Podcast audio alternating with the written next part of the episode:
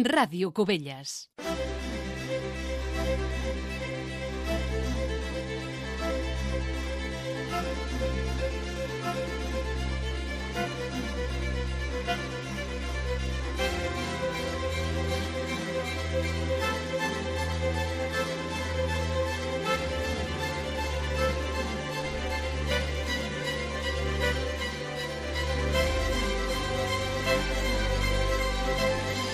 I ja ho tenim tot a punt per oferir la sessió plenària de caràcter ordinària de l'Ajuntament de Cubelles prevista per aquest dimarts 20 de juliol.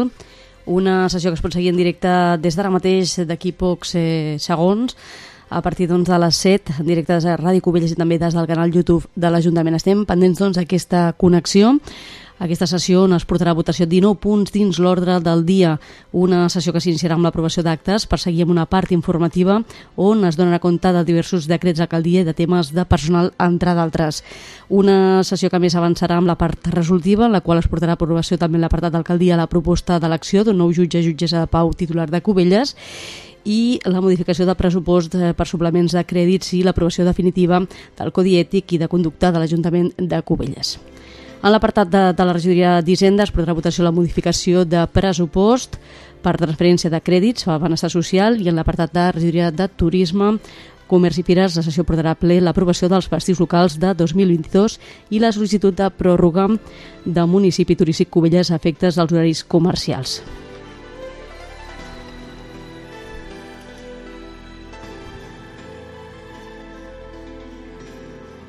Un ple que seguirà en l'apartat d'altres temes, mocions i que també es tancarà amb l'apartat de pregs i preguntes. Estem doncs pendents d'aquesta connexió per oferir aquesta sessió plenària ordinària municipal d'aquest dimarts 20 de juliol.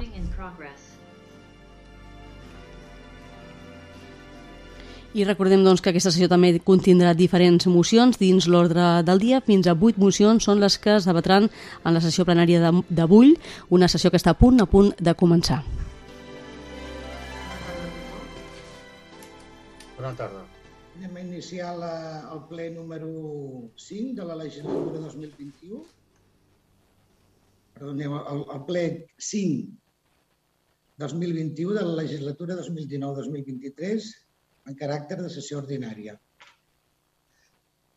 Ordre del dia, aprovació de les actes. Primer de tot, voldríem donar la, la benvinguda a la, a la funcionària habilitada nacional en règim d'acumulació, la senyora Margarida Fernández Cruz. Benvinguda, que us trobo entre nosaltres. Gràcies per estar-hi. Gràcies. Aprovació de les actes. Aprovació de l'acte de la sessió ordinària del ple, data 18 de maig de 2021. Jo voldria intervenir aquí. No sé endavant. si puc ara o després. Sí, sí, endavant, endavant. Eh? Nosaltres ens hem estat mirant les actes i hem estat mirant les actes d'altres ajuntaments i hem vist que els actes d'aquest ajuntament no recull les intervencions dels diferents eh, regidors. Per tant, mentre les actes no recullin les intervencions de tots els regidors, votarem en contra. Senyora secretària, alguna cosa a dir amb aquest tema? Sí. A part uh, que estan gravades. Sí. sí. Uh, va fer una modificació del reglament orgànic municipal l'anterior legislatura o l'altra, no recordo, per introduir la figura de la videoacta amb tot el tema de l'administració electrònica, de tal manera que per escrit, a dir, el que és l'acte en escrit ja és el recull dels acords i les votacions i la que té plena validesa també legal és la videoacta, on es recull, bueno, es grava totes les intervencions i allò té el caràcter oficial i legal igual que el suport paper. Un es complementa amb l'altre, perquè si es fixa en el suport paper hi ha un link on, on es porta les intervencions. Sí, però l'última videoacta que nosaltres sapiguem encara no està penjada, malgrat ser de fa dos mesos, i, a més a més, eh, sempre tenim problemes per entrar tant al Simplifica com a la resta de, d'apartats de la web del, de l'Ajuntament. Per tant, que es tinguin les videoactes per nosaltres no substitueix el paper. Legalment es va fer un acord de ple que la videoacta eh, té tots els efectes legals. Si ara vostè em diu que no està penjada, està firmada. Hem tingut molts problemes, o hem tingut una sèrie de problemes recentment, entenc que estaven solucionats, estaven totes signades i en tot cas jo que sí els agrairia és quan rebi la convocatòria, si pel que sigui hi ha un problema d'accés, ens ho diguin de seguida perquè mirarien de solucionar-ho i el dia del ple vostès l'hagin pogut mirar i l'hagin pogut votar. Nosaltres hem, ja ho hem comunicat, hem estat quasi 24 hores sense poder accedir al Simplifica, justament les últimes quasi 24 hores abans del ple, i que nosaltres sapiguem l'última videoacta no està penjada. Doncs si els hi sembla us puc deixar sobre la taula perquè està assignada i deu ser un problema intern de, del programa. No, jo jo me n'assabento ara, senyora Badós. Puc intervenir, si us plau? Sí, sí. Sí, bueno, això, això que has dit simplifica, veure, això ha sigut per tothom, que és veritat que, que hi ha hagut una avaria aquest matí, però els documents es van penjar al simplifica dijous o divendres. Val? Jo crec que és un risc a vegades esperar-se amb la tecnologia que hi ha a última hora a fer aquestes coses. I ha estat penjat per tothom, eh? vull dir, que no es pensi ara que tothom que, que això ha sigut només per l'oposició, Ja, pel govern. Ha és, estat és, pels però és evident que la informació que té l'oposició no és la mateixa que té el govern. Però això, això estava ja renat a divendres, eh? I divendres, i diumenge ha estat funcionant al 100% això, eh? L'aplicació, vull dir que vale que aquest matí i ahir funcionava, aquest matí vale que ha Ja, però fallat. És que no és, no és la primera vegada, eh? No, però ja, jo però no que la no hi ha hagut cap ple eh? que hagi funcionat Penso que- correctament. Pen, penso que ha quedat clar que això està penjat des del dijous, el dilluns al matí o el dimarts al matí de, demanar ajuda pel Simplifica és una mica arriscat. Mm, si es vol portar un ple tal, tal i com Déu mana. Eh? Pen- Penso, Però, eh? Rosa, ningú ha dit que no vam accedir fins al dilluns, eh? ahir, eh, Ningú no ha dit podíem. això, eh? Ahir ja no podíem accedir, eh? Però ningú. I el, i el diumenge... No, no, ningú, ningú, però que no- que no Sí, va ser accedir. Impossible. Bueno, Ahir va però, ser impossible ja. ah, I poder necessitem Disculpeu, més dies per entrar i no disculpeu. són tan llestos com per entrar el dijous i tenir-ne prou. Poder necessitem entrar diverses vegades. Disculpeu, però la informació del ple ja estava, jo estava penjada perquè ja la vaig consultar, inclús quan es va fer la comissió informativa de la setmana passada. És el mateix, eh? És que és el mateix. És aviat. Dir, Tota la Poc és qüestió informació, de ser llestos, eh? És, és, per tant, és, és, és el mateix, eh? No, És no mateix. entenc el problema. I a veure, jo entenc que la- l'accés pel Simplifica és el mateix pels governs, de, pels, pels regidors que conformem el govern, eh, exactament que els governs que no, el- no conformen el govern. És la mateixa, i ja dic, eh, el, el, quan vam fer la, la, la reunió de la comissió informativa de la setmana passada, jo, a més, presencialment, vaig estar mirant-me tant les mocions com tots els decrets, com tot el, el, i estava en línia. Estava ja tot penjat la setmana Tam- També, també, també es pot saber quan ha sigut la primera vegada que s'ha mirat cada regidor, eh? I si s'ha mirat, però algunes vegades no, no es mira. Eh? Però, bueno, en tot cas, prenem nota, senyora B2, intentarem solucionar-ho. Moltes gràcies per la suggerència. Alguna intervenció més? Si se me permite, usted, diga, diga. estoy con el uso de la palabra. Sí, sí. Gracias. Eh, hace unos plenos yo acudí a Secretaría con la normativa que regula la lectura de las actas y lo que tiene que hacer constar. Creo que esa normativa está en vigor y cualquier acuerdo de pleno que se haya adoptado que vulnere esa, norma- esa normativa entiendo que no es válida. Que el, el acuerdo de pleno en cuanto protege derechos que son de los representantes de, de los ciudadanos no se tienen que ver mermadas porque 10 plenos anteriores han llegado a un acuerdo que ahora mismo para nosotros esa normativa nos protege, nos da un amplio margen para poder decir qué es lo que tiene que hacerse constar en las actas y yo con rompiendo un poco el criterio de la señora secretaria, pues les le pediría que, que analizara desde mi punto de vista qué puedo estar errado. Por lo demás, sí hemos tenido un error con el Simplifica. En los que hemos podido sacar documentos antes, pues los hemos podido trabajar, pero ayer fue muy incómodo, la verdad. Y el tiempo es muy limitado, lo he dicho muchas veces. Nada más, yo creo que quiere, quiero que quede constancia. Home, Manel, que això, aquests arguments que dones també valdrien per la Constitució espanyola, que ens l'hem de menjar tots, eh? Vull dir, no sé, quan ens interessa. Bueno, Señora alcaldesa, ¿esto cómo funciona? ¿eh? Aquí cada uno toma la voz y la palabra cuando le da la gana, interrumpe cuando le da la gana. La gana? Gràcies, alcaldessa. A, a veure, a, a mi, escol- escoltant una mica, crec que és un tema legal, no? i com deia la secretària general, aquí es va, es va aprovar un ROM, els que estem, els que no estaven i els que, i els que estaran. Val? És la, el reglament orgànic municipal de funcionament de l'Ajuntament de Cubelles, que és el que ens hem dubtat tots i és el que tenim i és modificable. Per tant, aquells que creguin que s'ha de modificar, presentin un, una esmena i, i es modifica. Val? Um, I després, evidentment, doncs, s'ha fet un pas important en aquesta administració per anar cap a l'administració electrònica amb el tema de la videoacta i crec que legalment quedem coberts i quedem doncs, eh, amb, amb tot el que toca. No? Per altra banda, jo, alcaldessa, li proposaria, no, si és un tema tan tècnic, no, de deixar-lo sobre la taula la votació, tal com es manava, com deia la, la secretària, deixar l'acte la, la, sobre la taula pel proper ple, si és un tema tan, eh, diguem-ne, circumstancial, no? per evitar el posicionament en contra d'un acte que crec que, que en la mesura del possible crec que s'ha d'intentar de totes totes que sigui eh, amb el màxim número de, de grups a favor. Per tant, aquí deixo la meva proposta. Bueno, és, és, que, és que fins ara el, grup, el, el PSC tampoc ha votat mai a favor, crec que sempre s'ha abstingut. Potser alguna vegada sí, eh? Inclús portant mocionells i aprovades, eh? Això també que, que reculli. Jo no, jo no ho tocaria, però bueno, si, si, si cal, si no estan d'acord, que entri en una instància i revisem el ROM. Perquè si, si ara perquè no recull alguna intervenció s'ha de votar en contra, les altres vegades entenc que sí que recollia i s'abstenia. Inclús havien aprovat mocions que ells han aportat i les hem aprovat a favor. Llavors és lo incomprensible, no? O sigui, eh, jo porto una moció al ple, al, meu, al partit, al partit que sigui, me l'aproven i, i l'ordre del dia m'estinc. Però bueno, cada un és lliure de fer el, el, que, el que cregui, però són, són directius de partit o el que sigui. Jo mm, deixar-la sobre la taula, no sé si, si, si se li abstindran, tampoc li votaran a favor, senyor Hugué. Jo, ho dic per la, jo no ho dic pel videoacte, jo ho dic per la incidència que han tingut en, en el Simplifica, ah, bueno, eh? que l'hem tingut totes, per altra banda. Eh? Sí, és que ha sigut tots. El que passa que la informació del ple, és, és, el 95% és calcada a la de la comissió informativa de fa avui justament una setmana. Poc, poca, posa, poca cosa pot variar si no és que entra algú per, per urgència. Portem a votació deixar-ho sobre la taula?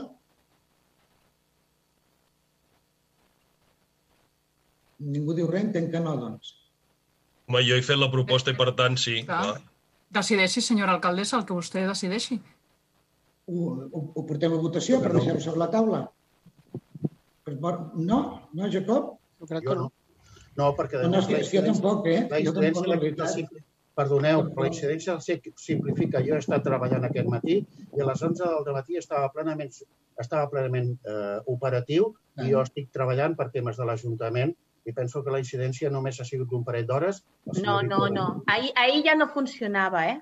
Avui a les 10 sí. Penso que, penso que aquest tema no és, no és per parlar en un ple i allargar-ho tant. Em penso que això és tema de comissió informativa, de, de venir, si han tingut tants problemes aquest matí, no sé si ha trucat algú amb el nostre cap de comunicació, ha vingut a veure la secretària, no, no tinc aquest coneixement, però Mm, em penso que, que, que es digui ara no, no, és, no és una cosa institucional i que pugui entrar dintre del plenari. Potser sí, eh, que toca, però em penso que hem, que hem vist pocs plens.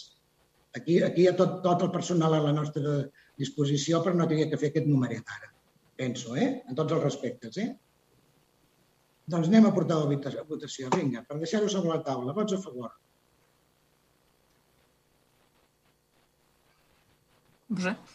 Abstencions? Vots en contra.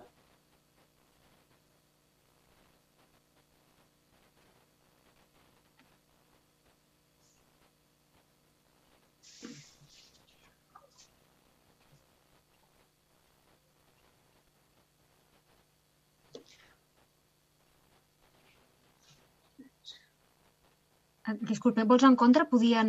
És que he perdut algun. Eh, me'ls podria anar llegint, eh, l'alcaldessa? Sí, Daniel Pérez, Esther Soler. Un moment. Eh, Pérez, sí, senyora Soler. Alexandra Corbillo, Jacob Capardón, Raúl Mudarra, Pilar Juste i jo mateixa. I Trinidad Vicente. Dos, tres, quatre, cinc, set. I jo... Oh, és que amb el Narcís, és que no el tinc a la pantalla. Ah, sí, sí, sí, perdona, sí. Vale. No tenien cap abstenció, no? No, no, ara no. Vale. Eh, doncs eh, la proposta de deixar sobre la taula queda rebutjada amb els vots en contra del senyor Piderra, el senyor Mudarra, la senyora Juste, l'alcaldessa, la senyora Vicente la senyora Corbillo, la senyora Esther Soler, el senyor Capardón.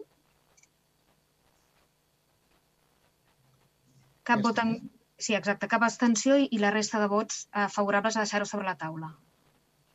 Val, doncs, en, si no hi ha cap paraula més, entenc que passem a la votació. Hi ha alguna paraula més, a banda de, de la intervenció de la senyora B2?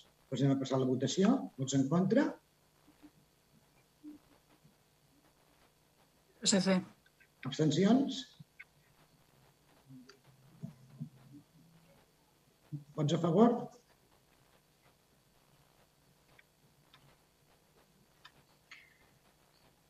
Vale. I l'acta queda aprovada amb els vots a favor de Unitat Covellenca 11, Esquerra Republicana de Catalunya, En Comú Podem, ESG i la CUP, eh, l'abstenció de Junts per Covelles i els vots en contra del grup municipal de Ciutadans i de Junts per, eh, i de, perdó, i del PSC. Penso que és correcte, sí. Bé, anem a passar les informacions de la presidència. El dia 30 de juny es jubilava el subinspector de la policia local de Cubelles, el senyor Juan Liñán Medina, després de 31 anys i mig al nostre servei. Durant més de dues dècades va ser el cap del cos i els darrers anys també va exercir de màxim responsable de l'àrea de protecció civil. Des de l'Ajuntament de Cubelles li volem agrair la seva vocació de servei públic al llarg de tots aquests anys. La fem extensible a tots els policies que han format part del cos i que s'han anat jubilant darrerament. El punt número 2 és marxa de, de Montserrat Domingo, amb data d'aquest dimarts 20 de juliol, avui mateix. La fins ara director dels Serveis Territorials de Barcelona Comarques, Montserrat Domingo i Rais, ha comunicat a l'Ajuntament la fi de la seva etapa al càrrec després de 3 anys al capdavant de l'àrea. Des de l'Ajuntament de Cubelles li fem arribar també el nostre agraïment per aquest temps de feina i suport a la nostra comunitat educativa i a la mateixa corporació. El punt número 3, des de l'Escola Maricel s'han fet arribar, ens han fet arribar en data també d'avui, aquest dimarts, 20 de juliol, un escrit d'agraïment a l'Ajuntament de Cubelles, especialment les àrees d'alcaldia i ensenyament, pel suport ofert durant el present curs. Així mateix s'ha volgut palesar des de la mateixa direcció el seu agraïment al personal de neteja i la policia local per la seva diligència i excel·lència professional al llarg de la seva rutina diària. I així mateix, davant les inevitables dels inevitables contratemps que han sorgit durant el curs que tot just ara finalitzat. Des de l'Ajuntament els hem expressat el nostre agraïment i suport per la seva feina i dedicació cap als nostres infants. Moltes gràcies al col·lectiu. El punt número 4, i per acabar, les informacions de la presidència. El divendres 16 de juliol, l'Ajuntament de Covella, juntament amb la resta d'integrants de la taula de mobilitat del Penedès, van participar de la reunió convocada pel secretari d'Infraestructures i Mobilitat del Departament de Territori i Sostenibilitat, Isidre Gavín. L'objectiu era presentar els descomptes a l'autopista C32 al seu pas pels peatges de Vallcarca i Cubelles, fixats en un 40 i un 70% respectivament. Es tracta d'un primer pas per millorar la mobilitat al nostre municipi i entorn i que entrarà en vigor el dia 1 de setembre, coincidint també amb la finalització de la concessió de l'AP7. Seguirem treballant perquè acabi la penalització que pateix el nostre poble i les nostres comarques i que ja ve de lluny i perquè reforci també la interconnexió amb Tarragona, Barcelona i la resta de la vegueria mitjançant la millora del transport públic. El punt número 3, donar decrets d'alcaldia.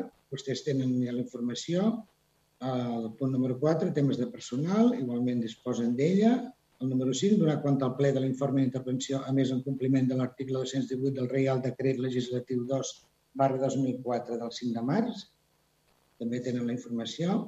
El punt número 6, donar compte del decret d'alcaldia 202, perdó, 2021 barra 484 del 18 de juny d'aprovació de la liquidació del pressupost exercici 2020.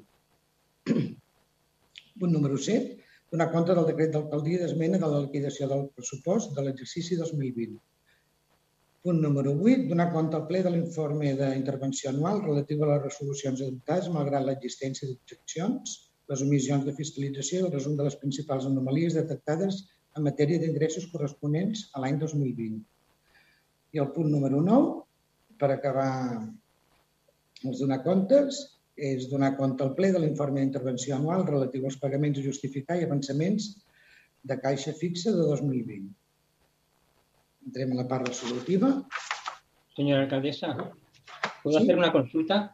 Sí, tanto. Bien por su Adelante. parte o bien a través de la, de la secretaria. Los, los términos informativos de toda esta documentación que son importantes, están recogidas en normas, nosotros podemos en un momento dado, eh, de conforme a lo que hemos eh, estudiado y visto en esos, en esos informes, en este acto, eh, hacer algún comentario al respecto o esto hoy como es informativo lo correcto sería hacerlo de otra manera. Vale, según, sí, según el ROM, el, el donar compte és, és donar compte. Uh, luego está el, el, punto ruegos y preguntas donde se puede intervenir. Eso sin perjuicio como momento dado la alcaldía puede autorizar una intervención puntual. Lo que no puede generar nunca es un debate. Gracias, gracias.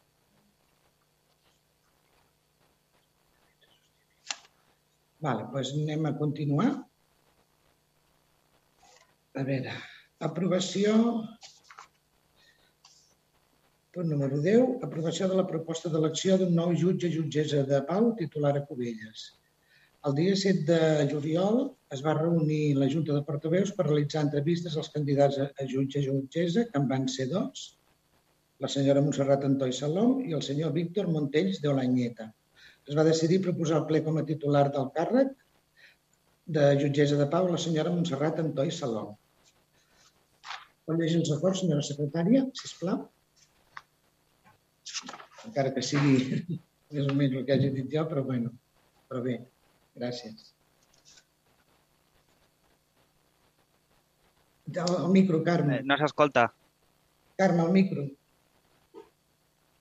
Vale. Ara sí. Disculpin. Vale. Eh, acords. Primer, elegir la senyora Montserrat Antó Salom com a jutgessa de pau titular del municipi de Cubelles. Segon, proposar a la sala del govern del Tribunal Superior de Justícia de Catalunya que efectuï el respectiu nomenament. Tercer, comunicar, comunicar aquest acord al jutjat de Gada, Vilanova i la Geltrú per tal que, pel seu conducte, sigui elevat al Tribunal Superior de Justícia de Catalunya.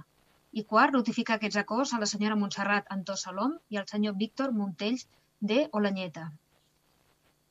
Moltes gràcies, senyora secretària. Anem a passar ai, bueno, les paraules. Alguna paraula? Alguna persona vol intervindre? intervindre algun grup? Endavant, senyor Monsonis. Sí, gràcies, alcaldessa.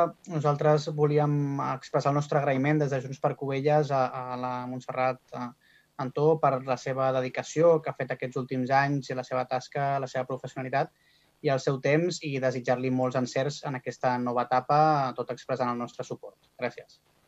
Moltes gràcies. Alguna paraula més abans de la votació? Doncs anem a passar a la votació. Vots en contra? Abstencions? Vots a favor? Molt bé, s'aprova per, per unanimitat. Moltes gràcies a tots doncs, felicitar la senyora Montserrat Antó Salom i desitjar-li molts encerts com ha tingut fins ara. Molta sort.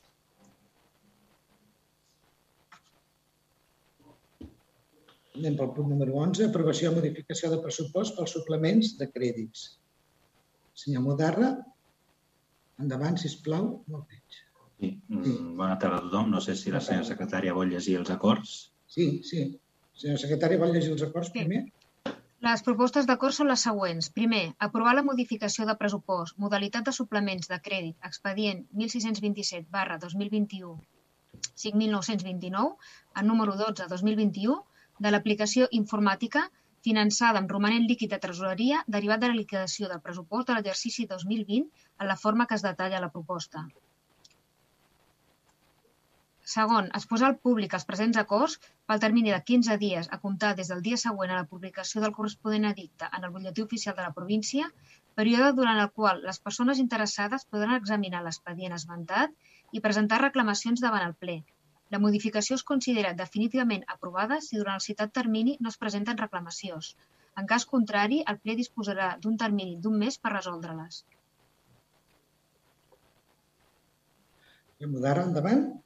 Gràcies. Sí, gràcies. Uh, bé, doncs portem al ple aquesta modificació de, de pressupost amb, amb modalitat de suplements de, de crèdit finançada amb romanent líquid de tresoreria per una quantitat de 341.840 euros. Uh, I com bé comentàvem a, a la informativa, doncs, bàsicament doncs, eh, aquestes quantitats doncs, eh, hi ha dos aspectes eh, destacables a comentar un que fa referència doncs, al, a la biblioteca aquesta quantitat que veieu aquí de 248.000 euros, que fa referència doncs, al contracte que hi ha amb la certificació final de la biblioteca, en el qual doncs, els valors finals eh, sobrepassen al, al valor inicial amb aquesta quantitat econòmica, però està dintre doncs, del concepte de, de no? d'accés a midaments d'un contracte com aquest tipus. Per tant, doncs, l'informe tècnic del, del cap de serveis tècnics eh, ratifica una mica doncs, això doncs, que no cal cap modificació del contracte al respecte i que dona aquest vistiplau d'aquest contracte, d'aquest certificat de pagament. Per tant, eh, com no estava pressupostat aquest accés de midaments, en aquest cas doncs, s'aprofita doncs, doncs, aquesta modificació pressupostària per incloure aquesta quantitat econòmica.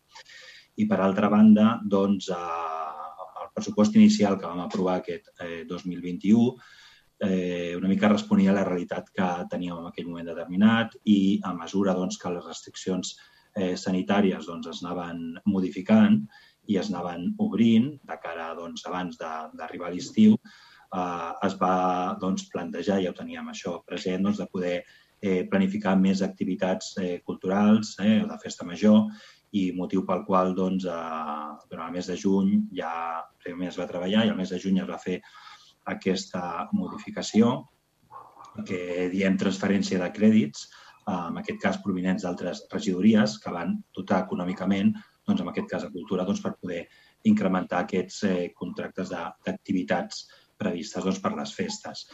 Eh, en aquest cas, doncs, aprofitem també aquesta modificació pressupostària per incorporar eh, nous crèdits que ens ajudin doncs, a reequilibrar les partides principalment doncs, d'espai públic i recursos humans de les quals doncs, es va fer aquestes transferències de crèdit inicialment. Bàsicament serien aquests dos aspectes que resumirien una mica aquesta quantitat, aquesta incorporació de romanent líquid de tesoreria de, que ascendeix a aquests 341.000 euros. Gràcies. Moltes gràcies, regidor. Anem a donar el torn de les paraules. Alguna intervenció? CC, si no hi ha algú abans. Endavant.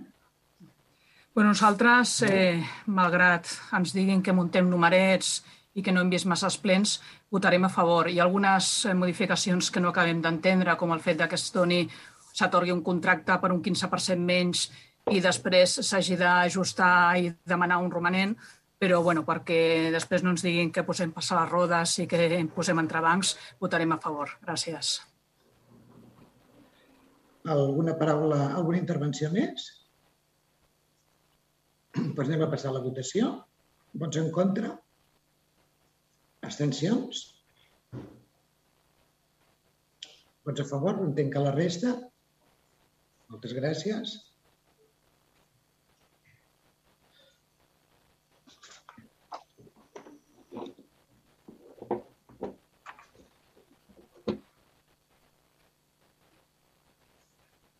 La proposta de modificació del pressupost queda aprovada amb els vots favorables d'Unitat Covellenca 11, Esquerra Republicana de Catalunya, en Comú Podem SG, la CUP i el PSC, cap vot en contra i les abstencions dels grups municipals de Ciutadans i Junts per Covelles. Molt bé. Aquí, estic, aquí potser tinc una errada jo, eh? Ara, perquè no em surt. Val, correcte. Ja està, res. Ja està, aclarit. Uh, moltes gràcies, senyora secretària. El punt número 12, aprovació definitiva del Codi Ètic de Conducta de l'Ajuntament de Cubelles. Uh, vol llegir els acords i després li passo la paraula al regidor, senyora secretària. Les propostes d'acord són les següents. Primer, Estimar l'al·legació formulada pels regidors i regidores de la Junta de Treball respecte al Codi Ètic i de Conducta, aprovat inicialment pel ple d'aquest Ajuntament a la sessió de data 18 de maig de 2021, de la forma que l'apartat D de l'article 8.2 quedarà redactat de la següent manera. Les regidores i regidors s'abstindran d'exercir durant l'exercici de les seves funcions càrrecs orgànics o gerencials, encara que siguin no retribuïts, en fundacions, associacions o altres tipus d'entitats d'àmbit de Cubelles, amb excepció dels càrrecs de les comunitats de veïns. Segon, instar a les regidores i regidors de la corporació per tal que presentin pel Registre General en el termini de tres mesos des de l'adopció del present acord Una declaració conforme no ostenten aquests càrrecs en el moment actual, amb el compromís d'abstenció del seu exercici. Tercer, aprovar definitivament el Codi Ètic i de Conducta de l'Ajuntament de Cubelles segons el text que consta com a annex. Quart, notificar els presents acords a les persones interessades i a les persones que ja han comparegut durant el tràmit d'informació pública i audiència. Cinquè, publicar els presents acords i el text íntegre del Codi Ètic i de Conducta al butlletí oficial de la província i inserir-los en el tauler de dictes de l'Ajuntament i anunciar en el Diari Oficial de la Generalitat de Catalunya la referència del butlletí oficial de la província en què se n'hagi publicat íntegrament el text. I sisè, comunicar els presents acords i el text íntegre del reglament a l'Administració de l'Estat i a la Generalitat de Catalunya. Moltes gràcies, senyor Pérez. Sí, gràcies.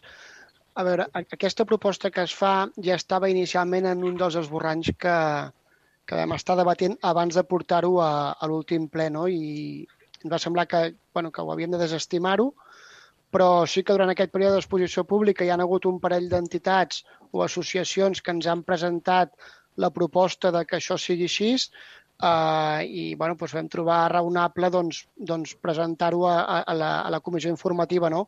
on, on es va debatre es va, es va, i es va consensuar aquest text que, que s'ha aprovat ara. Em sembla que és una bona, és una bona aportació que hi ha perquè no ha sigut una part política sinó que ha sigut la part de la ciutadania que ha fet la proposta i pensem que, que també s'hauria d'intentar aprovar per, per, per, o sigui, per unanimitat. Bueno, gràcies. Moltes gràcies, regidor. Uh, una intervenció d'algun grup? Sí, jo. Molt bé, endavant. Gràcies, alcaldessa. Bona tarda a tothom. La meva intervenció és per explicar el sentit del nostre vot. Només vull compartir la meva tristor en veure que el fet de ser regidor o regidora comporta deixar altres activitats. Fa uns vuit anys que vaig venir a viure aquí a Cubelles i m'encanta aquest poble i qui em coneix sap que sóc un cul inquiet i m'encanta fer coses, ser productiva, ajudar i aprendre. Per això de seguida vaig començar a col·laborar a Ràdio Cubelles, al teatre, ajudar a organitzar un festival anual, etc. Quan se'm va presentar l'oportunitat de formar part de Junts per Cubelles, em va semblar també una nova oportunitat de portar el meu granet de sorra per ajudar. Però llavors vaig haver de deixar coses, ja que sembla que no són compatibles amb el càrrec a l'Ajuntament i pel que veig cada vegada se'ns restringeixen més les activitats i em fa pena. Perquè penso que tot suma i que mai una ajuda més o una activitat més pot comportar res negatiu pel poble, tot el contrari, segons el meu parer, demostra estima pel poble. Podria entendre que per tema de subvencions no fos ètic donar-les a un regidor que estigui en una associació relacionada amb la seva regidoria, però és que tampoc trobaria ètic demanar-la en aquest cas. Vull dir, que la responsabilitat d'utilitzar el càrrec amb seny hauria d'estar implícit en el jurament que fem a l'acceptar el càrrec. Per tot això ens abstenim. No ens oposem perquè respectem la decisió conjunta i defensem la bona intenció de la mesura per prevenir mala praxis. Només volia deixar clar el meu descontent, ja que em sento limitada, tot i que continuaré oferint la meva ajuda en tot el que pugui sense estar vinculada, tal com ens ho demana el Codi Ètic. Gràcies. Moltes gràcies a vostè. Alguna altra intervenció? Pues anem a passar. Ah, el senyor Martínez. Sí, sí, me... ¿Se me escucha ahora? Gracias. Si se me permite. Mire, yo estaremos a favor, ya empezamos aquí diciendo que sí, que estamos a favor del código. Eh, a favor de cualquier forma de recordar a cargos públicos electos que uno tiene que ser exquisito en las formas y en el fondo. Nuestra aprobación se debe más que a nuestra aportación junto a otros partidos de la oposición, aportación que hemos hecho con interés, repito, se debe a que no se insertarán conductas que no sean las deseables a quien es un servidor público por encima de un representante de la ciudadanía. El servidor público usa de la neutralidad y la equidad. El representante de la ciudadanía a veces estira siempre en el lado del partido. Eso también distingue al que juega a favor de la corriente del que se esfuerza en que la corriente no le arrastre. Repetimos que nuestro voto es a favor, sin dejar de mirar de reojo la mala intencionalidad de lavar la elección de dos regidurías con un código ético de conducta en manos de quien la ética es como su camisa. Si le aprieta, se la desabrocha y si es necesario, se la quita. Muchas gracias, señora presidenta. Gracias a usted por su gran intervención. ¿Alguna palabra más? Sí. Bueno, sí. Sí. PSC, no sé si terminem ara o després. Bueno, comencem, sembla que vulguem intervenir tots. Comencem per ordre, diguéssim, doncs, eh? Uh, senyor Pérez?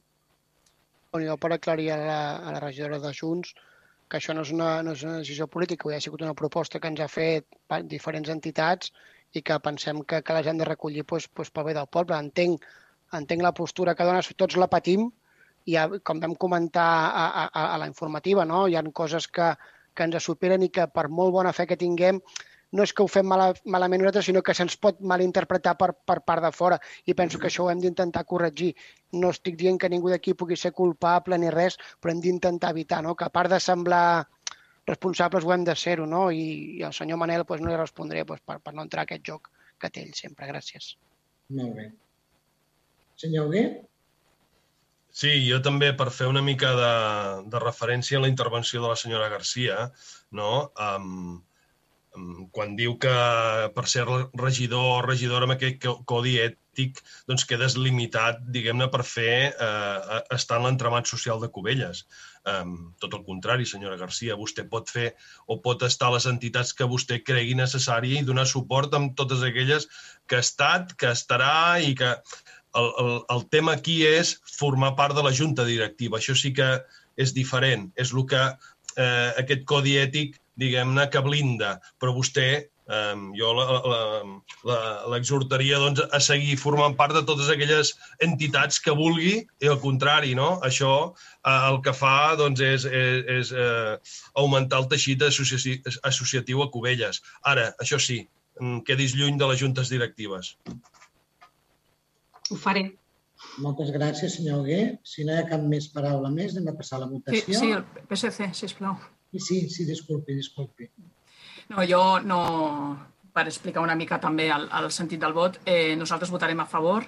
Eh, de fet, va ser una proposta que nosaltres vam fer conjuntament amb els companys, però de fet eh, nosaltres és cert que vam, vam proposar això, eh, després va caure pels motius que fos. El que sí que voldria dir és que abans el senyor Pérez ens ha demanat unanimitat i que estiguem tots eh, junts. A nosaltres ens hagués agradat que la proposta s'hagués treballat també en aquella comissió o s'hagués treballat d'una altra manera. No? Ens vam trobar amb la comissió informativa i vam haver de resoldre-ho allà mateix, doncs ens hagués agradat fer-ho d'una altra manera, però tot i així nosaltres estem d'acord i votarem a favor. Gràcies.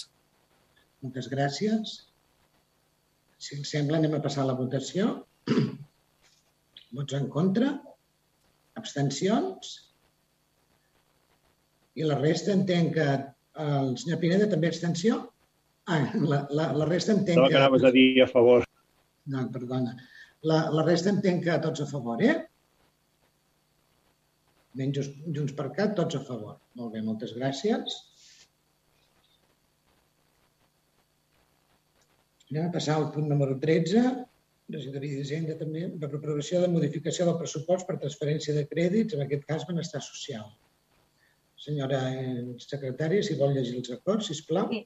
Les propostes d'acord són les següents. Primer, aprovar la modificació de pressupost, modalitat transferència de crèdit de la mateixa àrea de despesa, afectant a les subvencions nominatives incloses a l'annex 1 de les bases d'execució del pressupost 2021, expedient 1627 barra 2021 5635, en número 0921, de l'aplicació informàtica, a la forma següent, que es detalla la proposta, que implica l'adaptació de l'annex 1 de les bases d'execució del pressupost 2021 D'acord a la modificació 1627 barra 2021-5635, quedant els apartats tal com es recull a la proposta.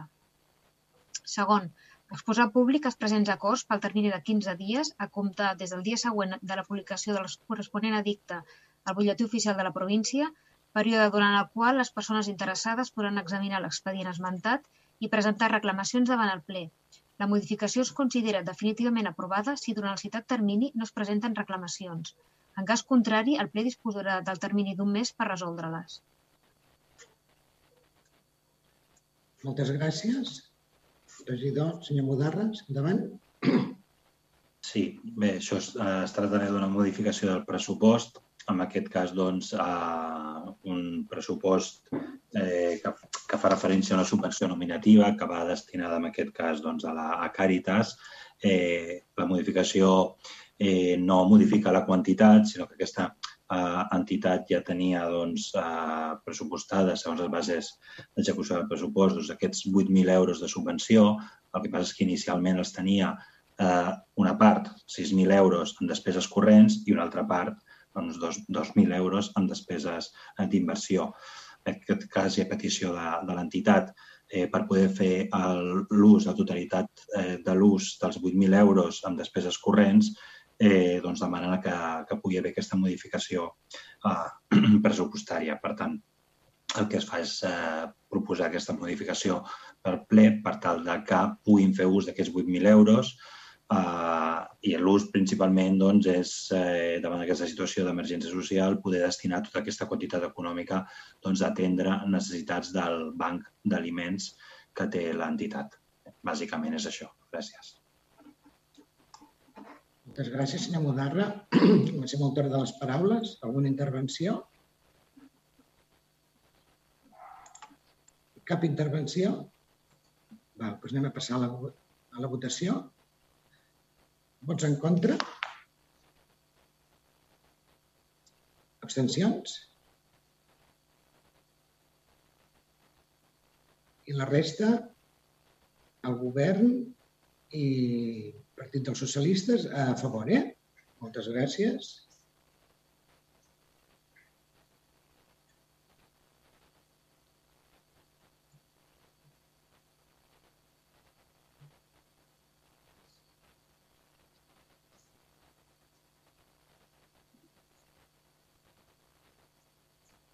Ja està, senyora secretària?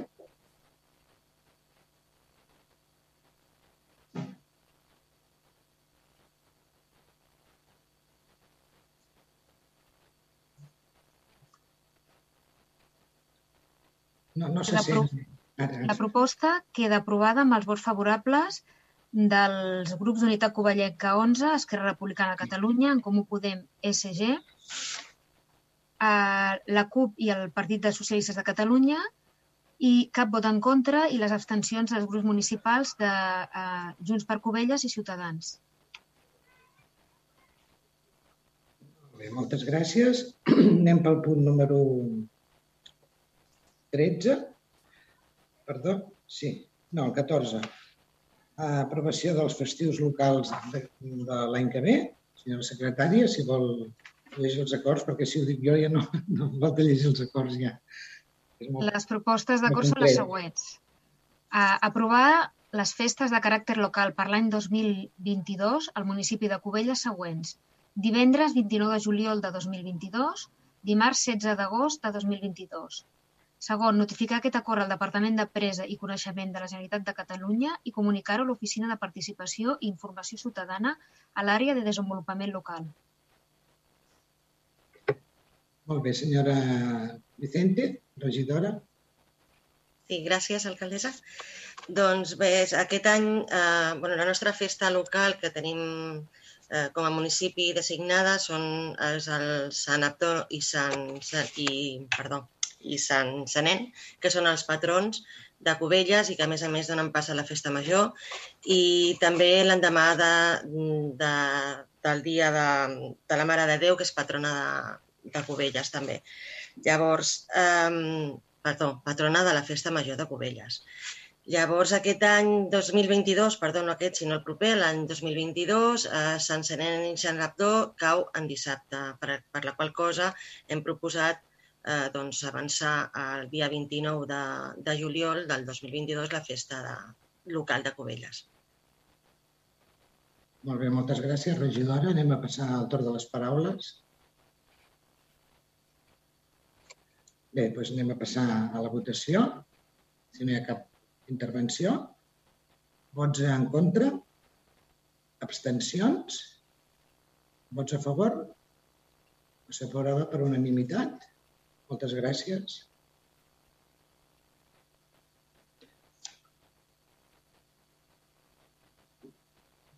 Anem pel punt número 15. Sol·licitud pròrroga al municipi turístic Cubelles, efectes horaris comercials. Senyora secretària, vol llegir els, els acords? Les propostes d'acord són les següents. Primer, aprovar la sol·licitud de la pròrroga de la qualificació de municipi com a zona turística a efectes d'horaris comercials al municipi. Segon, declarar que es mantenen les condicions que van permetre la qualificació del municipi com a zona turística d'acord amb l'informe de la tècnica de turisme de data 24 de maig de 2021. Tercer, notificar aquest acord a la Direcció General de Comerç de la Generalitat de Catalunya. Moltes gràcies, senyora secretària. Senyora Vicente. Sí, gràcies, alcaldessa.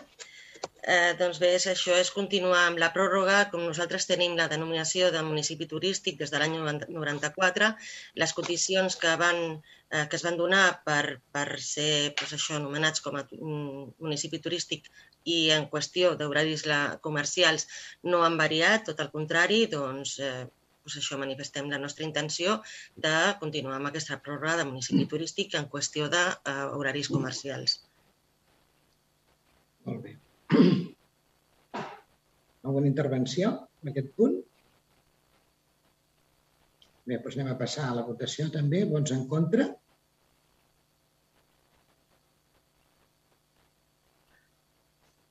Abstencions? Vots a favor? Tots?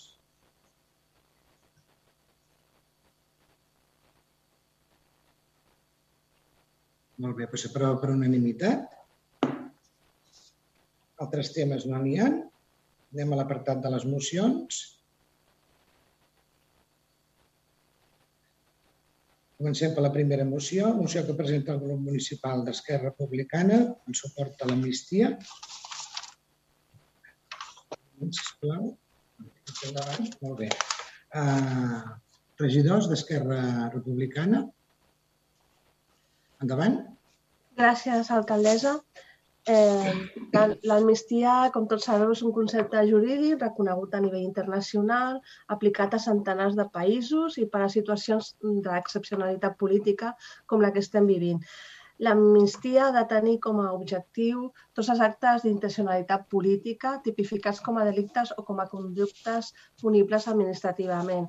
A més a més, és un punt de partida d'aquest procés de diàleg, negociació significativa i, i àmplia per tal de cercar una solució política al conflicte basada en els principis democràtics del respecte mutu i el respecte dels drets democràtics del, del poble català. Per tot això portem com arreu de tot el territori català aquesta amnistia que vam començar a treballar-la conjuntament amb Òmnium Cultural i, i per això doncs, la, la duem, tot i que eh, per nosaltres, tot i que els nostres pesos siguin, estiguin indultats, hi ha moltíssimes causes pendents i, i per això creiem que la solució és l'amnistia. I, ja.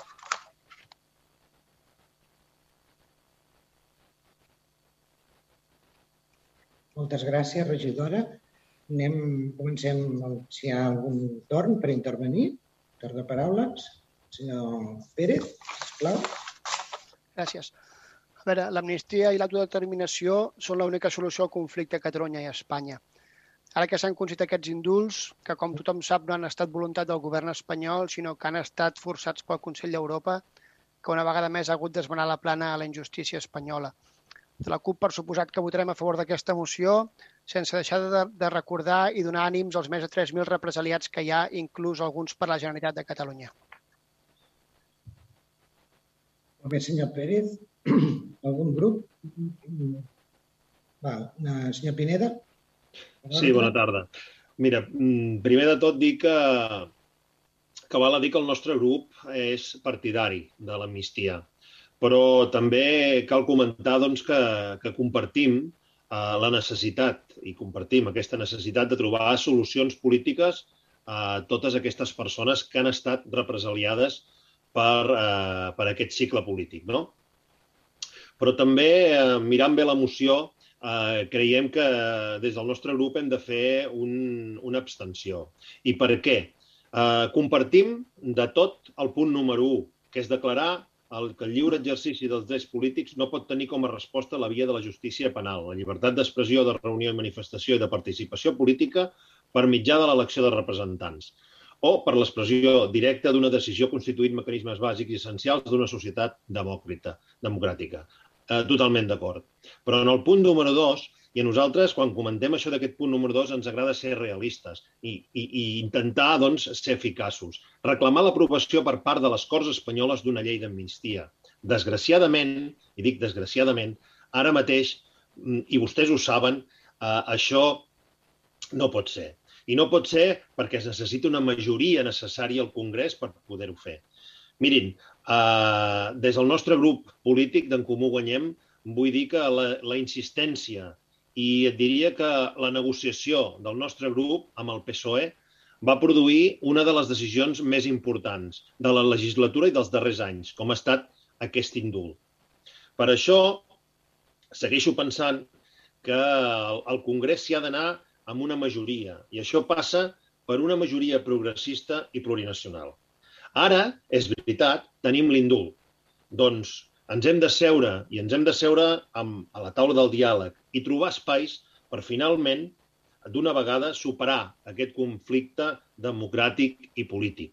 L'amnistia, ho hem de tenir clar, forma part del diàleg, del reconeixement mutu i de valentia per arribar a acords. I des d'aquest reconeixement i, per tant, l'espai central per construir aquests acords són les institucions democràtiques. I nosaltres creiem que és la taula de diàleg. I, per tant, necessitem governs capaços de treballar per aquestes aliances que tan necessàries són per trobar aquestes solucions democràtiques a aquest conflicte. Gràcies. Moltes gràcies, senyor Pineda.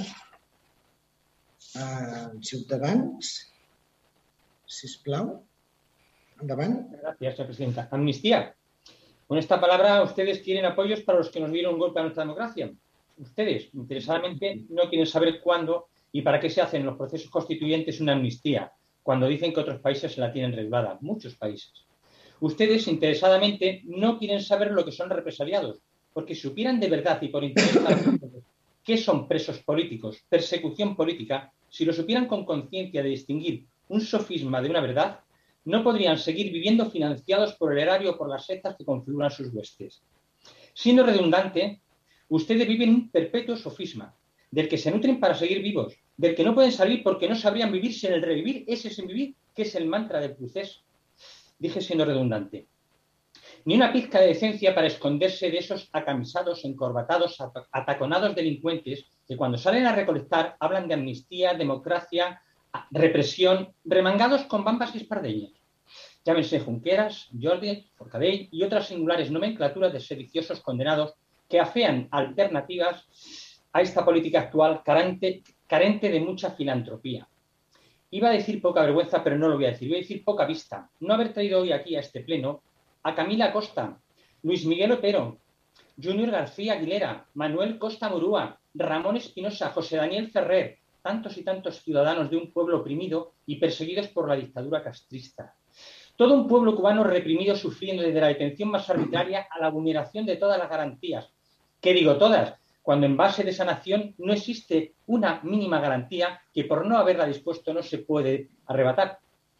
Tengo claro que no existiría esa represión sin la mitad de un pueblo aborregado en el fanatismo de los líderes que por decenios les muestran las bondades de sus acciones en las escuelas, en los controlados medios de comunicación, en los pasquines de concienciación ideológica, etcétera, etcétera, y un largo etcétera, que les vincula a lo que vivimos en Cataluña de mano de unos líderes a los que piden amnistía a una parte del pueblo que ustedes representan, funcionando como verdugos, verdugos de las otras víctimas, porque el poder político hace contrapoder político y eso es una forma de represión de las libertades que nos hemos dado todos. Ustedes aquí traen manipulación y mentiras de quienes quieren imponer sus ideales de sociedad oprimida, pero desde la superioridad. Llevan en el poder decenios y de ahí su egocéntrica superioridad moral. Inventan y clasifican catalanes como los nuevos filoloflautas, creadores del neolenguaje que clasifican por géneros desde la bina persona o la pentapersona, desde el bon catalán al mierdo inadaptar. Amnistía para quienes vendieron humo y gloria en cómodos plazos de ocho segundos, sin bajarse del coche patrulla, atemorizando a letrados de la Administración de Justicia, estos ñordos ilustrados que vayan por donde se tiende la ropa. Mire que hay que ser ruino ofreciendo humo a cambio de estatus social y político a quienes ya tenían el más alto estatus social y político. ¿No vi en las calles de Cuba gente sobre un coche de policía mientras hacía un trabajo judicial contra la malversación pública de los gobernantes? Eso no ocurre ni en las revoluciones más depravadas. Pero aquí sí lo hacen mientras agitan las masas enfervorizadas de sus hooligans. Esto también se hacía en el fútbol, donde tuvimos que instaurar un régimen de leyes penales en el deporte y para el deporte. Y cuando se hace deporte, no tiene sentido llamar a la justicia porque se hace deporte. Vamos a hablar lo mismo de la política, pero la matanza encuentra su cuna y allí se instala en el ámbito coactivo del Estado con su código penal. ¿En qué terreno de juego creen ustedes para impedir que la justicia entre en los ámbitos políticos que fracturan las reglas del juego? Menos amnistía y más cárcel contra los que atentan contra los valores de libertades y democracia. Esa libertad que ofende a los pueblos verdaderamente oprimidos, a los verdaderamente represaliados, a los que sufren miseria y el control atávico del socialcomunismo, la otra cara de la moneda de aquello que ustedes llevan en la boca y aderezan todas sus frases, el fascismo en el que están sumergidos por voluntad propia. Muchas, pero muchísimas gracias, señora presidenta. Alguna intervenció més? El senyor Fernández, endavant, sisplau.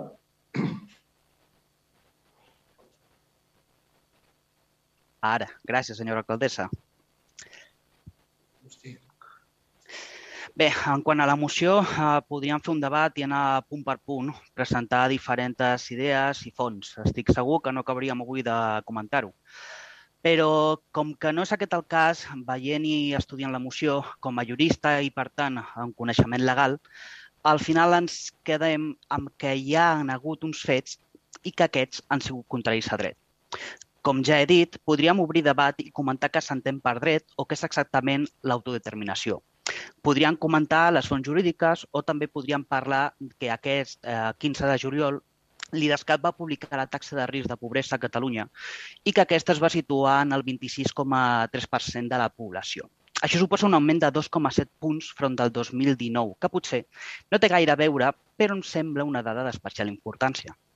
Bé, el cas és que amb el tipus de test presentat, tal i com tergiversa la realitat dels successos, no deixa de ser un text totalment partidista i subjectiu.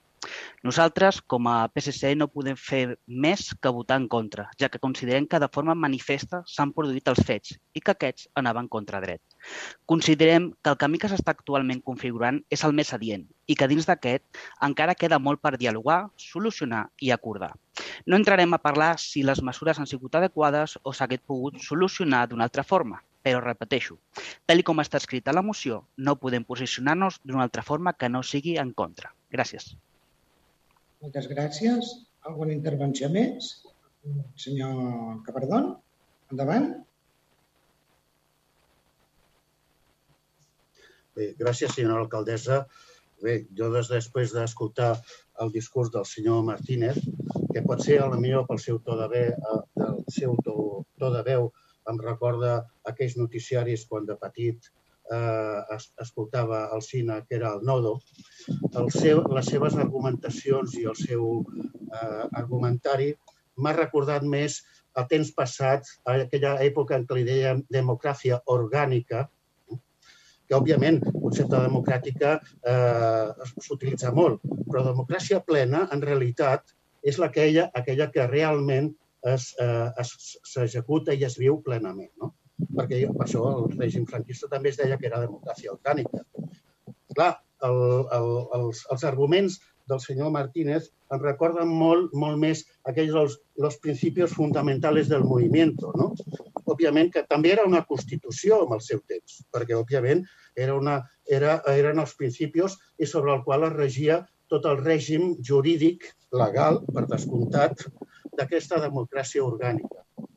I a la vegada també existia un tribunal que, malauradament, és a dir, tenim la continuació, que és el TOP, se'n recorda, senyor Martínez, suposo que per edat ho deu de tindre, que és el, el Tribunal d'Ordre Públic, que actualment doncs, té, té la mateixa projecció amb el que diem Audiència Nacional. I li volia recordar també al senyor Martínez que el concepte d'amnistia és, és un dels valors fonamentals que utilitzen les democràcies.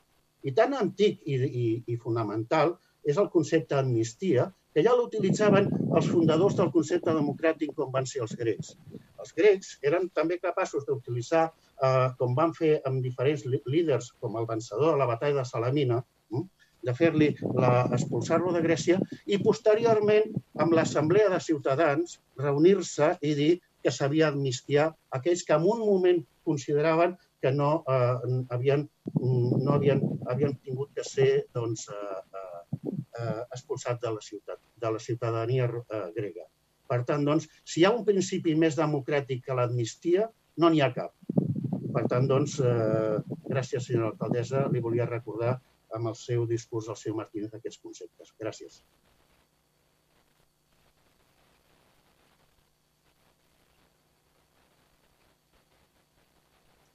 Moltes gràcies, senyor Capardón. Si no hi ha cap més intervenció, anem, passem a votació.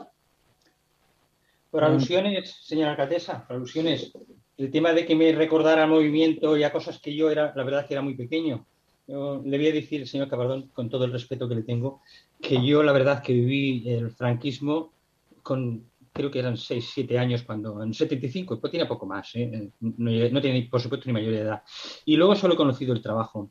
No sé de qué me habla. De todas maneras, si usted pretende ahora a mí, a la altura de mi vida, después de haber cursado Derecho, decirme cuáles son los derechos y qué es lo que tengo que defender, en eso lamento decirle que no estamos de acuerdo. No que está usted equivocado, que no estamos de acuerdo.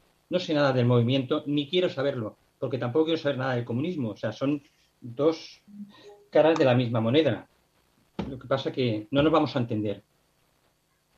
Muchas gracias. Anem a passar a la votació. Uh, en contra? Abstencions? Vots a favor?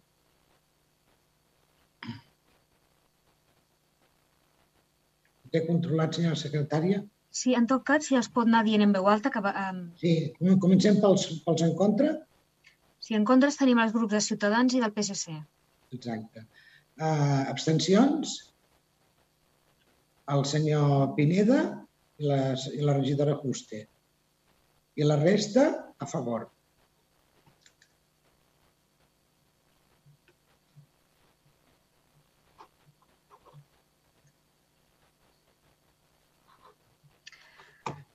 Val. Doncs la moció queda aprovada amb els vots a favor. Eh, els citaré alguns nominativament. La senyora alcaldessa, senyor Olguer, senyor Mudarra, senyora Vicente, senyora Corbillo, el grup municipal d'Esquerra Republicana i el grup municipal de la CUP. Eh, els vots en contra del grup municipal de Ciutadans i del PSC i les abstencions del grup municipal d'en Comú Podem SG i de la senyora Juste. Molt bé, correcte. Molt bé, anem a passar a la següent, que presenta Esquerra també, eh, moció que presenta mm, per la mobilitat al Baix Penedès mentre es fan les obres de la millora de la C31. Regidors d'Esquerra, voleu fer l'exposició? Qualsevol de, de vosaltres?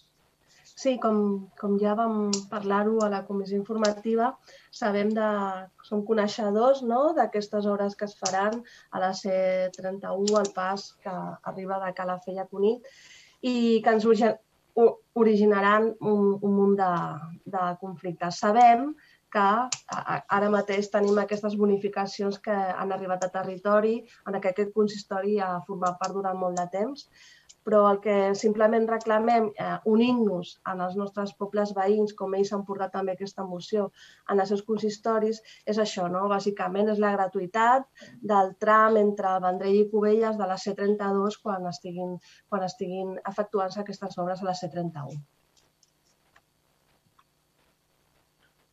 Molt bé, anem a, les, les intervencions dels, dels grups. Senyor Pérez. Endavant. Nosaltres hi votarem a favor perquè és millor això que res, està clar, però cal la gratuïtat a totes les autopistes a Catalunya definitivament, no? No, no només durant, durant les obres, però sí que és cert que, que és millor això que res. I de les autopistes, tant les que són competència de l'estat espanyol com les que són competència de l'estat català, no? com és aquesta C32. I, bueno, això. Penso que hauríem d'anar un pas més enllà, però, bueno, comencem per aquí. Perfecte. Molt bé. Algun grup més vol intervenir? Señor Pineda. No, pues señor Martínez. Muchas gracias, señora presidenta. Bueno, desconozco muy bien el sentido que tiene por el cual los miembros del gobierno, porque esta Republicana está en el gobierno municipal de Cubellas, presenta esta moción. Bien pudiera estar en manos de asociaciones de vecinos afectados. Y ustedes me dirán ahora que son la voz de esos vecinos. Mal vamos si resulta que los representantes de los vecinos que gobiernan en un ayuntamiento necesitan estimular su acción con mociones autodirigidas para acometer su función gobernativa. ¿En qué me he equivocado cuando yo pensaba que la Junta de Gobierno local de las que ustedes forman parte toman decisiones delegadas por premios? ¿En dónde pasan ustedes las comisiones de trabajo y las reuniones de gobierno? Ustedes tienen conocimiento de unas obras de ese alcance y no se han personado a alegar directamente y a conocer cuáles son las condiciones de la concesión, los planes de seguridad de obra, la ciudad diaria, las vías alternativas, todo aquello que debieran de conocer como miembro del gobierno y aplicarlo población, a sus ciudadanos, porque entiendo que el ámbito afectado es también Cubelles. Sí, no me cierren el paso porque también interpreto que esto afectará a todo el país a comarcar, al Garraf, a la Veguería, pero oigan, si ustedes están representados en todos esos estamentos públicos, si al final va a resultar que, a ver si todo esto son chiringuitos de verano, que ahí no se trabaja por el interés de los ciudadanos. No. Hablando en serio, mm, perdone que me asombre. Y ahora asómbrese ustedes. Vamos a votar, vamos a votar afirmativamente esa moción, porque entendemos que al final el resultado es que hay unas actuaciones que hay que hacer y si alguien no ha hecho bien su trabajo, tendremos al final que hacerlos pues a través de una moción. Pero ya digo, me sorprende que alguien que está en el gobierno, que ha podido participar al tener conocimiento, no, no que ha podido, es que tiene la obligación.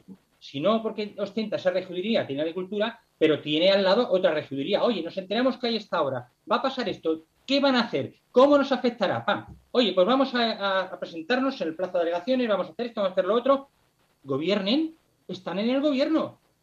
¿Qué quieren? ¿Traer una moción aquí que se la aprobemos? Se la vamos a aprobar porque, a ver, ¿quién, quién quiere, si le hacen un descuento, decir que no? ¿Quién está pensando que ahora nos van a barrar los pasos y queremos que nos lo dejen libres? Nadie, claro que vamos a decir que la aprobamos. Pero oiga, esa no es labor de gobierno, ¿eh? Esa es labor de oposición. Con esto he dado mi sentido de, del voto. Muchas gracias, señora presidenta. ¿Alguna intervenció més? Bueno, el PSC, per, també per puntualitzar la, el sentit del vot. Eh, nosaltres també votarem a favor, però una mica en relació amb el que deia el senyor Martínez, tampoc acabem d'entendre la moció, no acabem d'entendre que ho presenti només Esquerra Republicana. Eh, hem parlat amb altres companys i que nosaltres sapiguem cap altre ajuntament del Garraf ni de l'Alpenedès ha, ha presentat la mateixa moció. Deia que altres municipis del Baix Penedès sí, ho desconec. Però, bueno, nosaltres, eh, malgrat no entendre massa el sentit de la moció, la votarem a favor perquè creiem que és una bona petició a fer tot el que pugui ser beneficiar els ciutadans. Per tant, la votarem a favor. Moltes gràcies. Jo volia fer un aclariment. Esther, sí, regidora, endavant. Si us plau, tu primer, tu primer. No, no, no, que jo volia acabar, Esther. Res, simplement gràcies per, per votar a favor i sí s'està portant al Baix Penedès i som els primers implicats. Explicar una cosa, nosaltres sí, nosaltres treballem municipalment, evidentment som regidors municipals, però també ens mirem al territori i també ens importa el que passa al territori. A més a més, nosaltres lluitem per tenir la vegueria del Penedès, no només centrar-nos en, en Garraf, no només en nosaltres, no? formem part d'un gran ens no? i per això treballem una miqueta entre tots. Però que agraïda, de debò. Per, per finalitzar aquest, aquesta moció, voldria explicar que ens vam reunir, l'Ajuntament de Cubelles va estar present en la presentació de les obres que va fer l'Ajuntament de Cunit, amb representants de l'ACA, de diversos diputats, bueno, se'ns se, va citar, jo, el, jo vaig anar personalment, un dia, no, no recordo, un mes de juny, devia ser primers de juny, ara ho estava buscant però no m'ha donat temps de buscar-ho, de, de trobar-ho. Acompanyada pel nostre arquitecte i estàvem el, amb aquell, llavors encara era alcaldessa la, la senyora de les Carreres, allà vam estar junt amb el Jaume Casanyes, jo mateixa, acompanyada de tots els tècnics, de la comarca del Baix Penedès i el director de l'ACA, etc. Per presentar-nos aquest projecte està a la disposició de tots l'Ajuntament de Cunit. Moltes gràcies. Anem a passar a la votació. Vots a favor? Vots en contra? Perdoneu. Comencem així, ja. millor seguim la línia. Mm, vots en contra? Abstencions? Vots a favor? S'aprova per unanimitat. Moltes gràcies.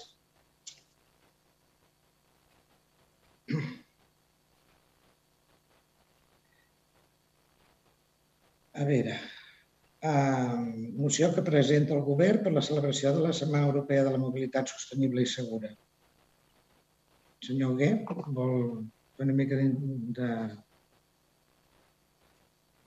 Sí, gràcies, alcaldessa.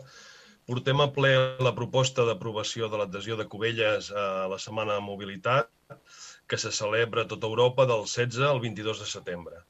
aquest any amb el lema Seguretat i Salut amb una mobilitat sostenible.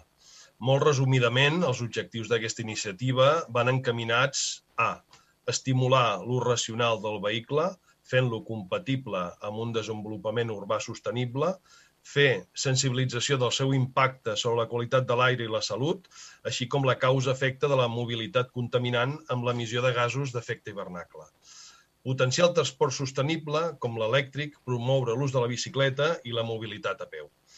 A tall d'exemple, molt il·lustratiu, eh, tenim un estudi molt recent de l'Institut de Salut Global de Barcelona, amb cooperació amb altres organismes europeus, que conclou que si complíssim les recomanacions de contaminació de l'aire, a Barcelona serien evitables més de 1.300 morts anuals. Per tant, cal implicar-nos amb aquesta aposta que ha de ser global per la descarbonització del sector automobilístic i seguim l'estratègia d'Agenda 2030 aprovada per la ONU amb els 17 objectius ODS de desenvolupament sostenible.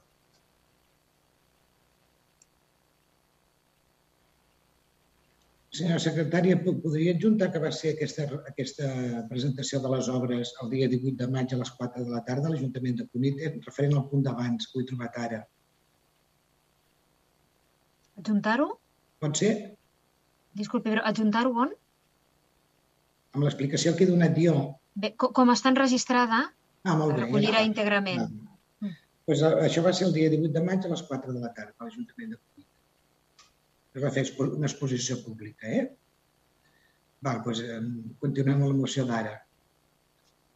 Eh, bueno, pues si el, algun grup vol intervenir,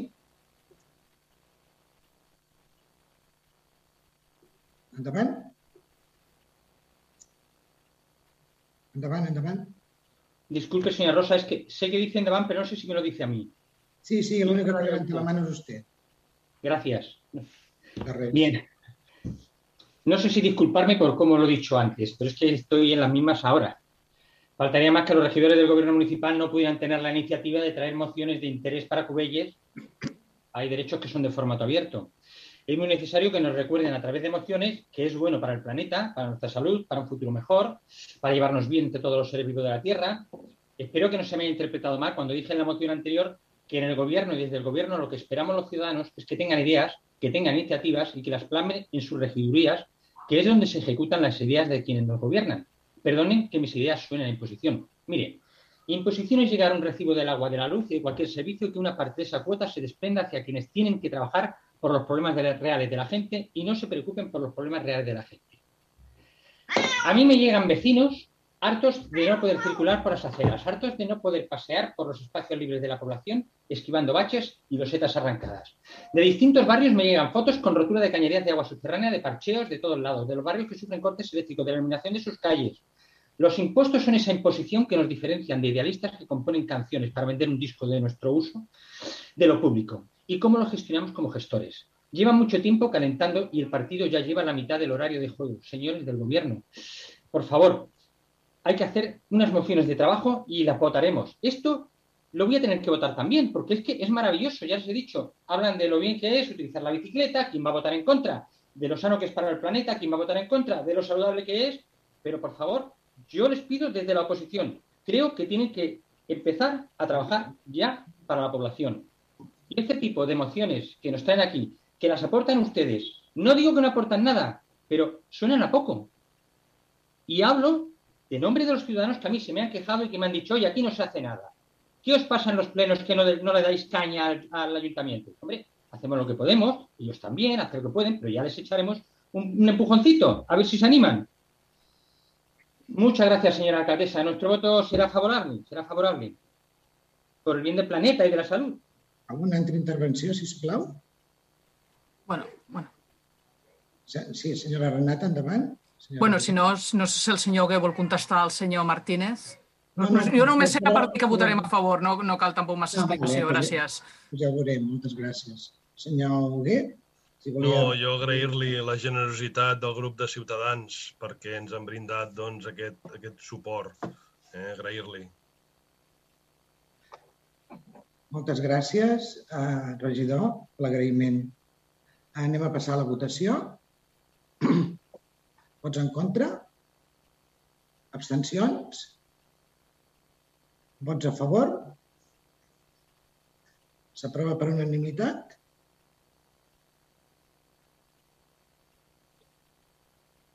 A passar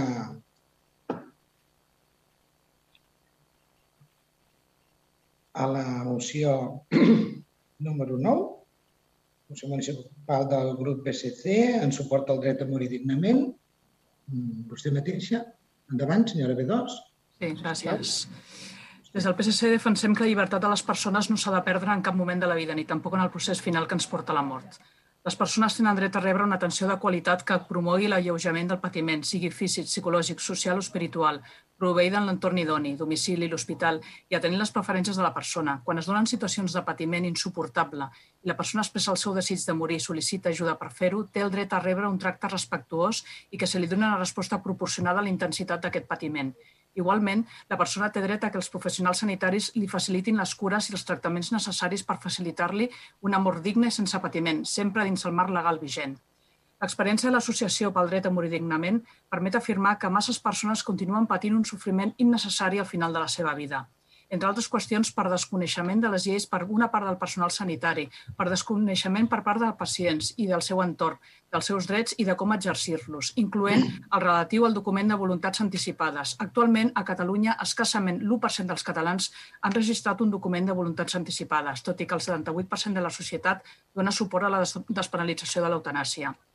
Els ajuntaments i els consells comarcals, i es va aprovar aquesta moció al Garraf, com a institucions més properes a la ciutadania i des de la convicció que el dret a un amor digne és un dels drets humans, hem de vetllar per la seva defensa, pel que és necessari divulgar aquest dret entre la població, així com la necessitat de que cada ciutadà disposi del seu document de voluntats anticipades i que el personal en general i el de treball i educació social n'estiguin degudament formats i informats.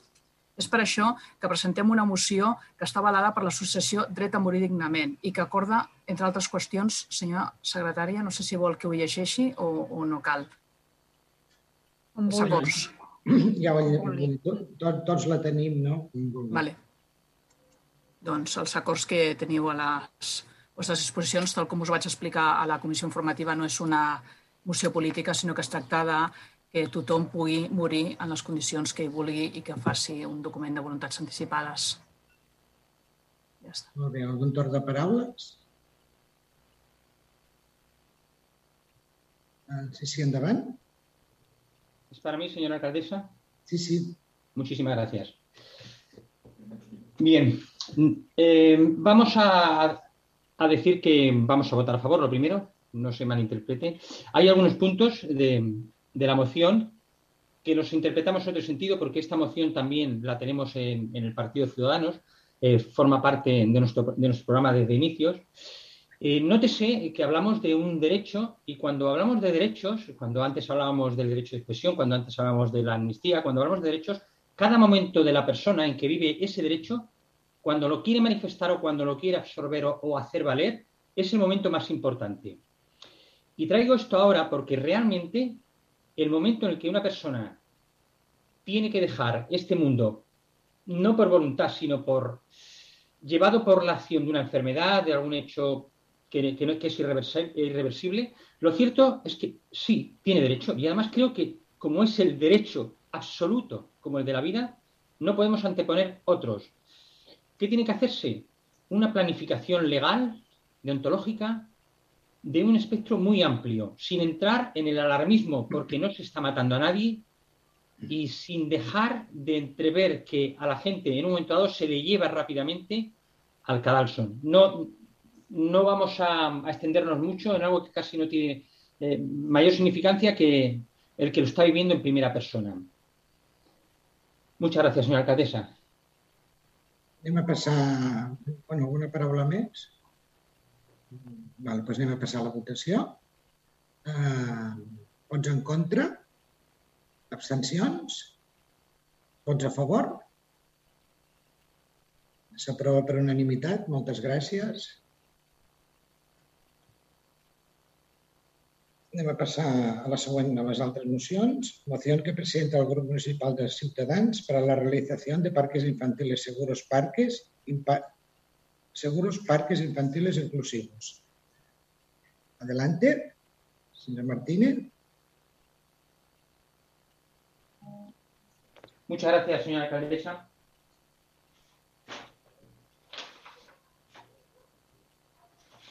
Tenía yo en el tono antes el, eh, otro, otra moción, pero bien, ya la tengo aquí a mano, no hay problema.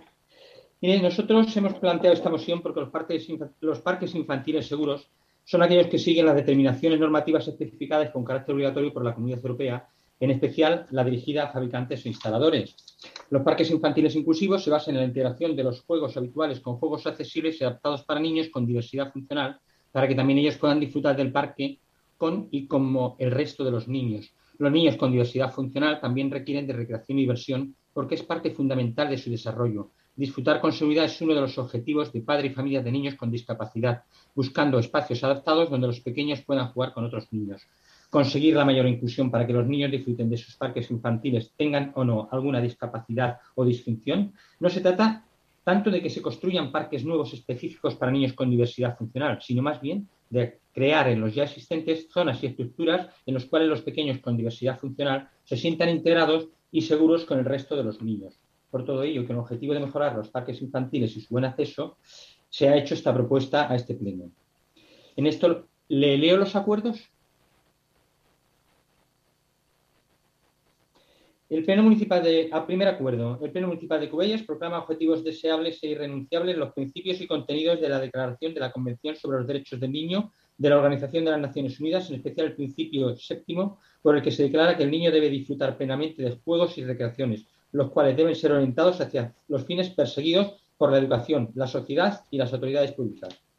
Segundo, los principios de igualdad y solidaridad deben ser efectivamente aplicables en todo nuestro término municipal de Cubelles para que todos los parques infantiles existentes dispongan de una equipación similar, con las certificaciones de seguridad durante toda su vida útil y en todo momento aptos para facilitar la inclusión de aquellos con diversidad funcional de cualquier tipo. Que las siguientes contrataciones de estos equipamientos se redacte por los servicios técnicos el correspondiente pliego de condiciones generales particulares que constituyen el cuerpo de esta moción, en especial el cumplimiento a la UNE 1176, 1177 y el Real Decreto 1801-2003 de 26 de diciembre sobre seguridad general de los productos. Que por los servicios técnicos acreditados se revise de forma progresiva los parques existentes y conforme a las deficiencias detectadas se proceda a la subsanación o sustitución por elementos que cumplan los criterios de inclusión y accesibilidad. Detecto que hay un no que es una errata. Muchas gracias, señora presidenta.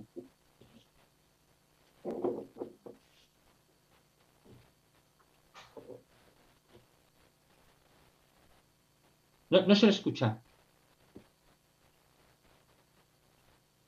Jo no l'escucho, senyora alcaldessa. Anem a passar alguna, alguna intervenció respecte a la moció. Anem a passar a la votació. Vots en contra?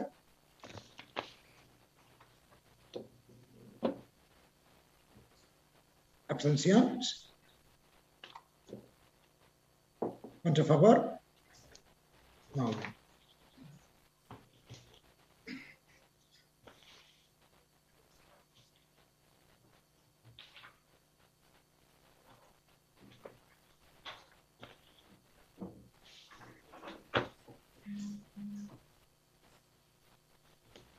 La moció queda mm, rebutjada amb els sis vots a favor del grup municipal de Ciutadans, Junt per Covelles i el PSC, i els cap abstenció i els 10 vots en contra dels grups municipals Unitat Covellenca 11, Esquerra Republicana de Catalunya, En Comú Podem, SG i la CUP. Muchas gracias, señora secretaria. Anem a per la següent moció. Moción de Ciudadanos proponiendo la creación de una ordenanza reguladora de las instalaciones de comunicaciones. Adelante.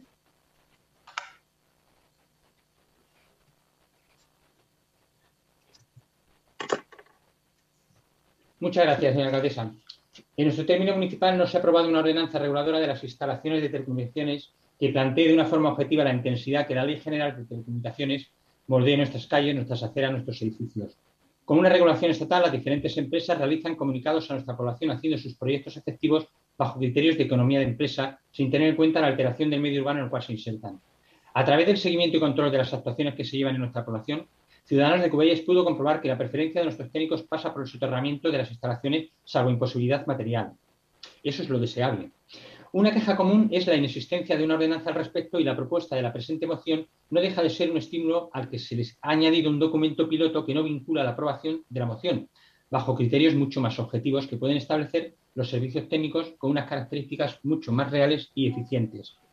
El beneficio de regular en cada caso es evidente. Debemos conseguir que desaparezcan los obstáculos en las aceras y en los límites de la calzada, cambiar la estética de cableado visto y salvaguardar los derechos de las comunidades a las que se planteen disponer de los servicios al más alto nivel. Alguna intervenció? Doncs hem de passar a la votació. Vots en contra?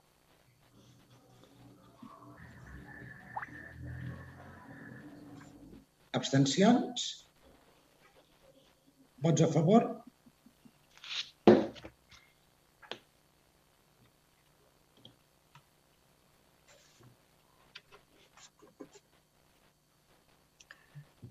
La proposta queda rebutjada amb els vots en contra dels grups municipals d'Unitat Covellenca 11, Esquerra Republicana Catalunya, En Comú Podem i la CUP, eh, cap abstenció i els vots a favor de Junts per Covelles, el PSC i Ciutadans.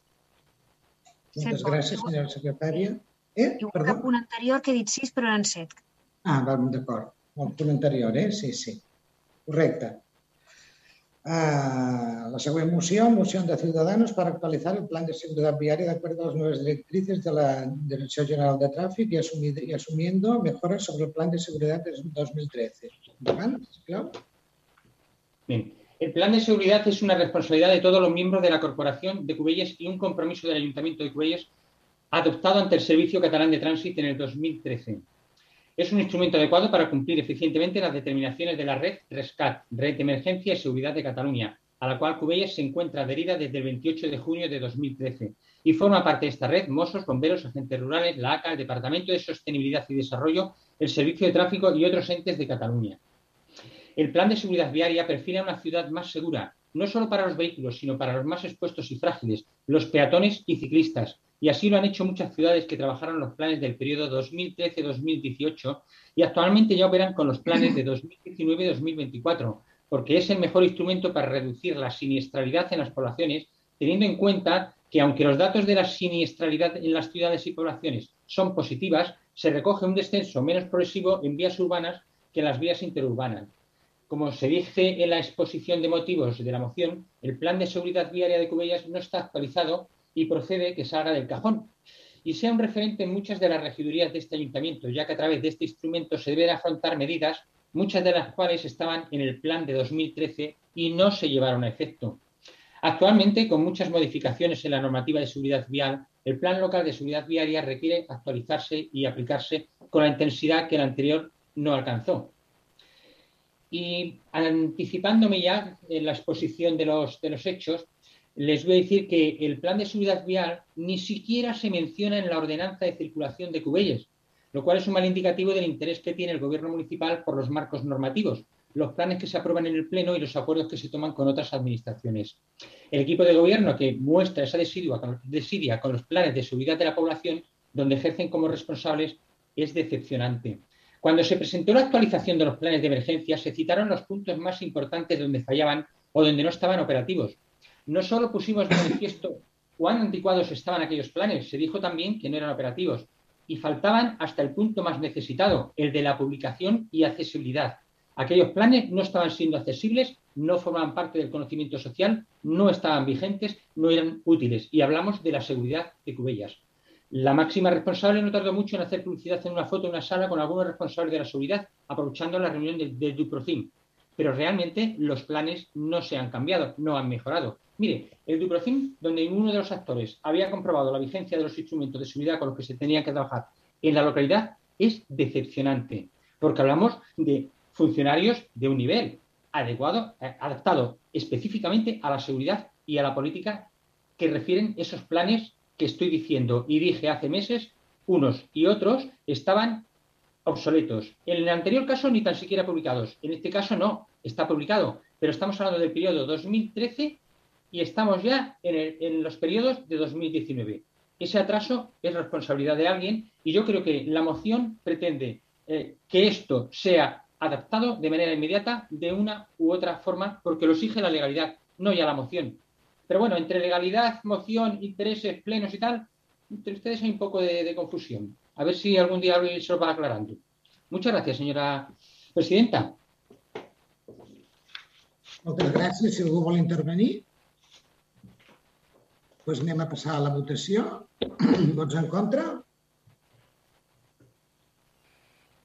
Abstencions? Vots a favor?